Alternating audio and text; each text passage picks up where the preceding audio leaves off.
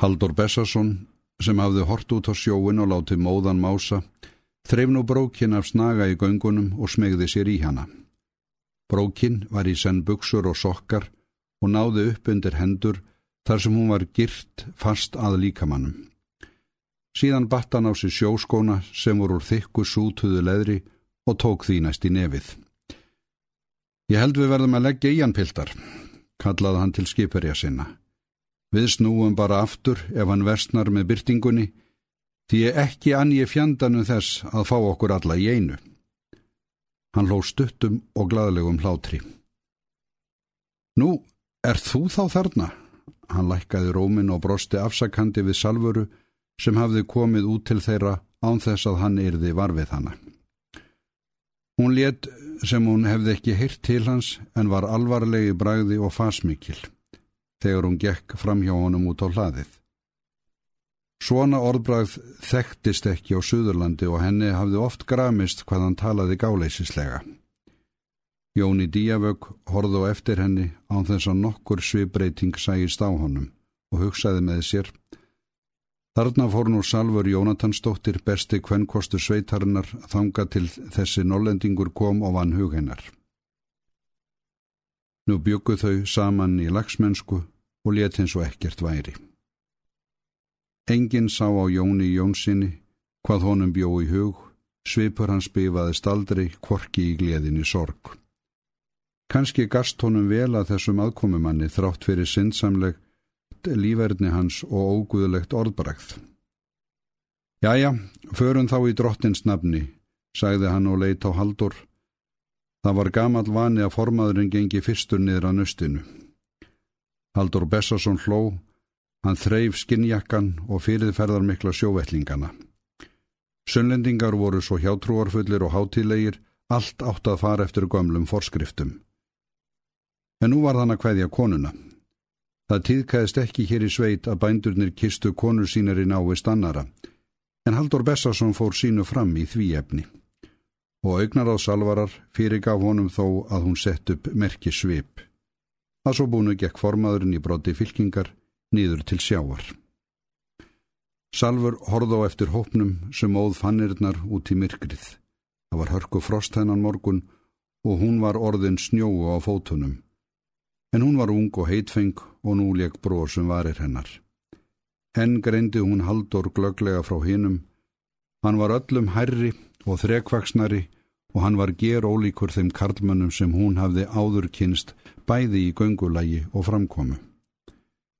Niðri í fjörinu stóðu tvö nöst hlið við hlið og tvær sjóbúðir sem nú voru notaður sem fiskhús og geimslur.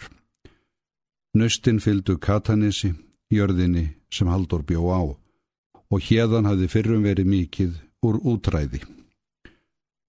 Nú hafði annað þeirra verið lána hreppstjóranum og keldum en hann var gamal barlaus ekkjumæður. Hann gerði út bát á hverri vetravertíð og réð á hans skipferja. Prefstjórin var maður auðugur, miðlungi vinsæl en góðlátlegur og dáliti smedjulegur. Hann fikk orð fyrir að vera naumur á mat og kaup við menn sína. Þegar skiperir Haldurs komu niður á nöstunum var hinn báturinn þegar róin. Formaðurinn og honum hétt ávaldi, ungur nýkvæntur leiguliði kjeldnabóndans, varskur sjómaður en latur í landi og óþjáll í umgengni. Ávaldi lætur ekki standa á sér í dag, neggjaði Hannes gamli langbrók, lágvaksin og luralegur Karl, sem bjó á rítjukoti upp í hlýðinni. Höfuð hans satt niður á milli herðana og fæturnir voru einkennilega langir í samanburði við búkin, en alltaf var hann hress og kátur og tók ósköpun öll í nefið. Allir létu sem þeir heyrði ekki til hans. Skipirjarnir hófust þegjandi handa um að leysa bátin og draga hann út úr nöstinu, Þetta var stór sexæringur sem Haldur hafði keift þegar hann byrjaði búskap á jörðinni.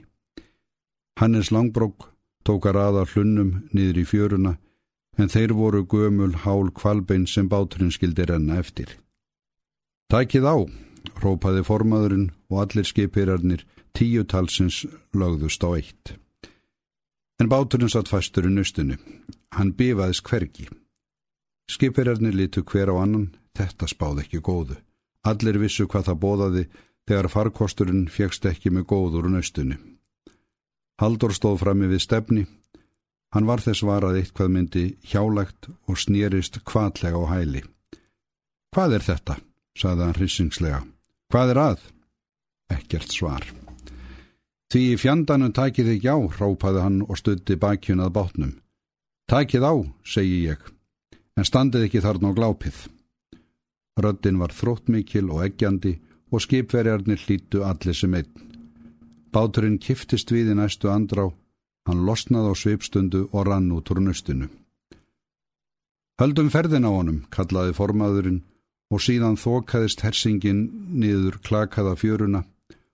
Hópur tötralegra skinnklædra manna með stóran árabát á milli sín. Hann rann greiðlega á hálum hlununum. Þegar hann kom í sjóin, stukku flestir upp í, en fjórir óðu spöl frá landi til að halda honum réttum. Er báturinn var komin á flót, íttu þeir honum samtaka og hófu sig síðan innbyrðis. Á sömu stundu skullu árar í sjó og báturinn skreið út vógin.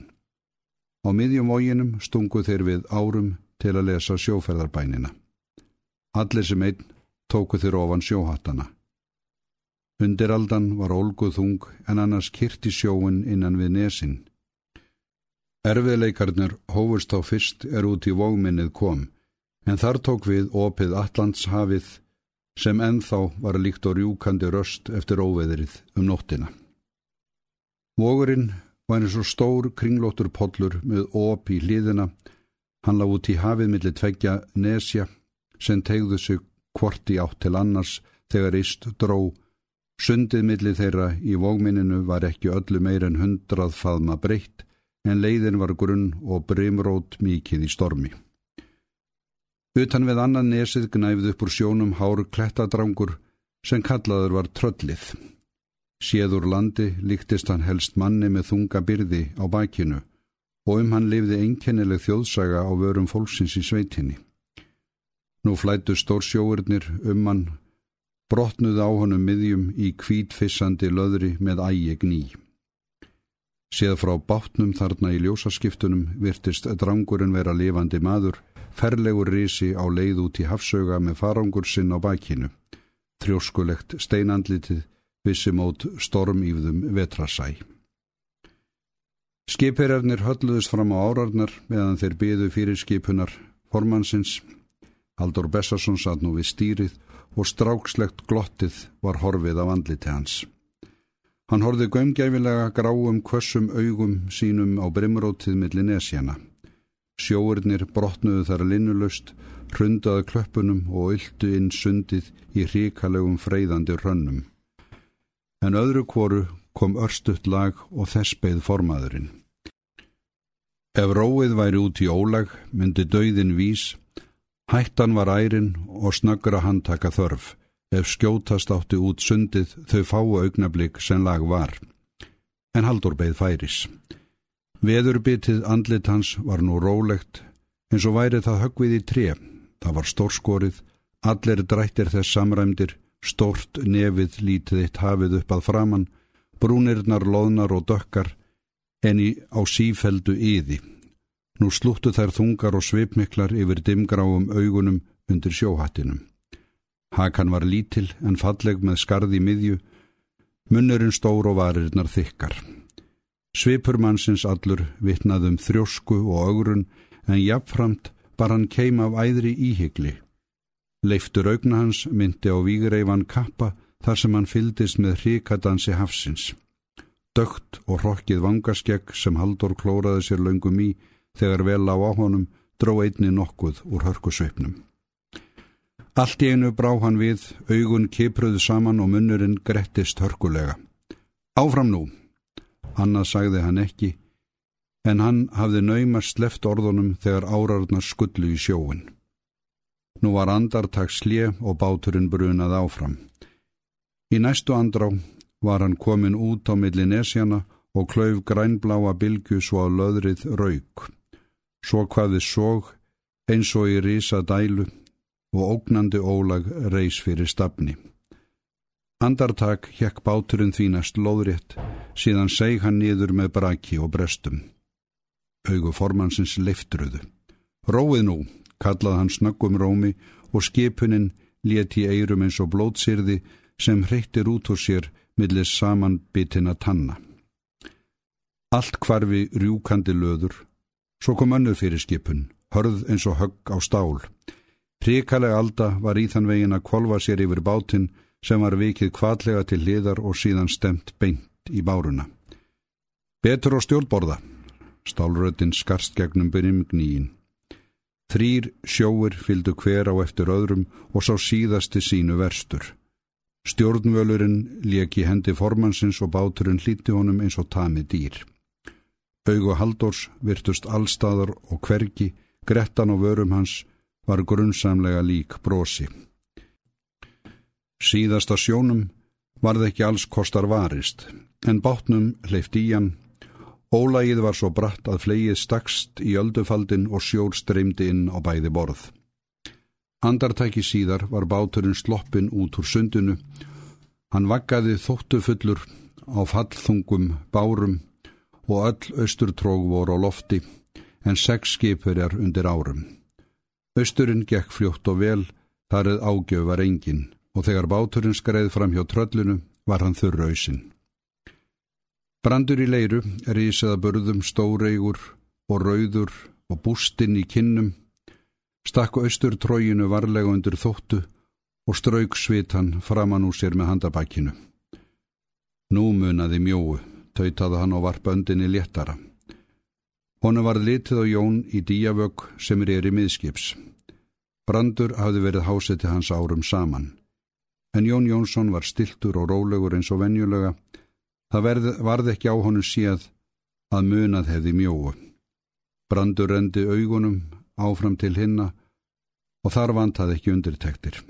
Hannes gamli langbrók ljómaði blátt áfram af undurun og hrifningu. Laglega af sér vikið, blessaður vertu, sagði hann og kinkaði kolli. Sumir hinna tók í sama streng. Þetta var að kunnað stýra. Svona stjórn sámaður ekki á hverjum degi. Flestir voru þó enn millir sveps og vöku. Blóðið var ekki almennilega komið á reyfingu og yllur fyrirbóði sótti að þeim. Áhyggjufullum augum var skotrað undan sjóhöttunum. Hann gati ekki kallast fallegur í dag, bygg svartur til hafs og fjalla og báturinn hafði settið fastur í nöstinu. Logn var framundir dagmál svo þeir eruð að róa allaleið út á miðin. Þetta var klukkutíma róður Þorskurinn held sér langt undan landi þennan vetur. Engin meldi orð frá vörum, hásetarnir skiptust á að róa og formaðurinn virtist í þungum þöngum. Þorskurinn hafði aldrei verið örari allan veturinn en þennan kalda, óhugnalega morgun. Færi var ekki fyrrkomið til bots og grunnmáli tekið en kift var í það og sprikklandi gulur og módrafnóttur fiskur dregin úr djúpinnu.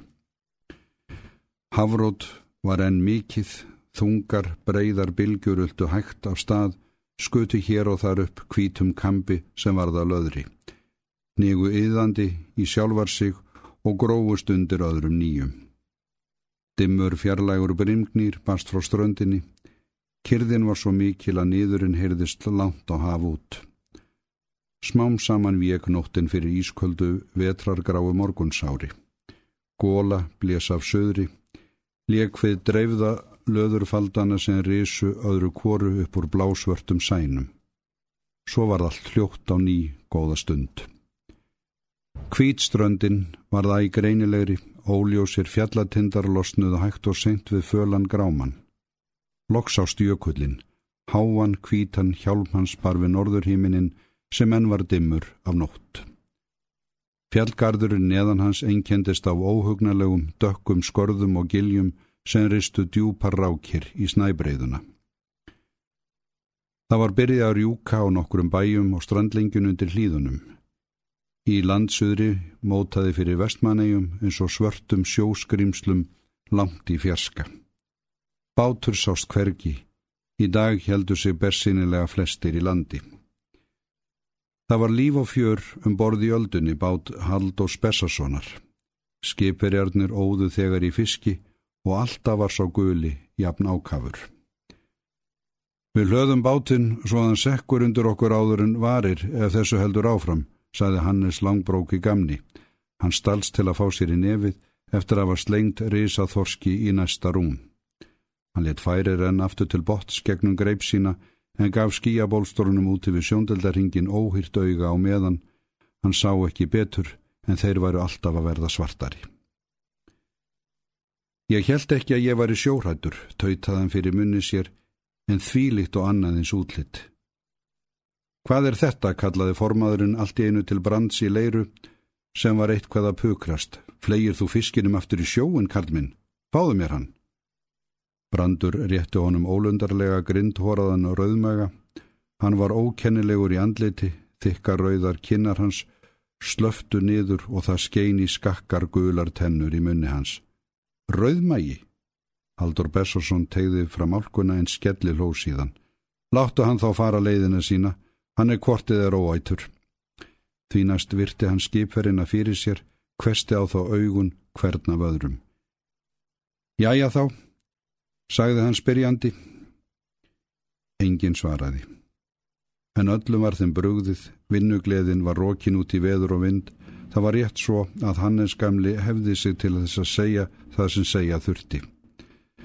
Þú ert ekki feigar en Guð vill, stamaði hann.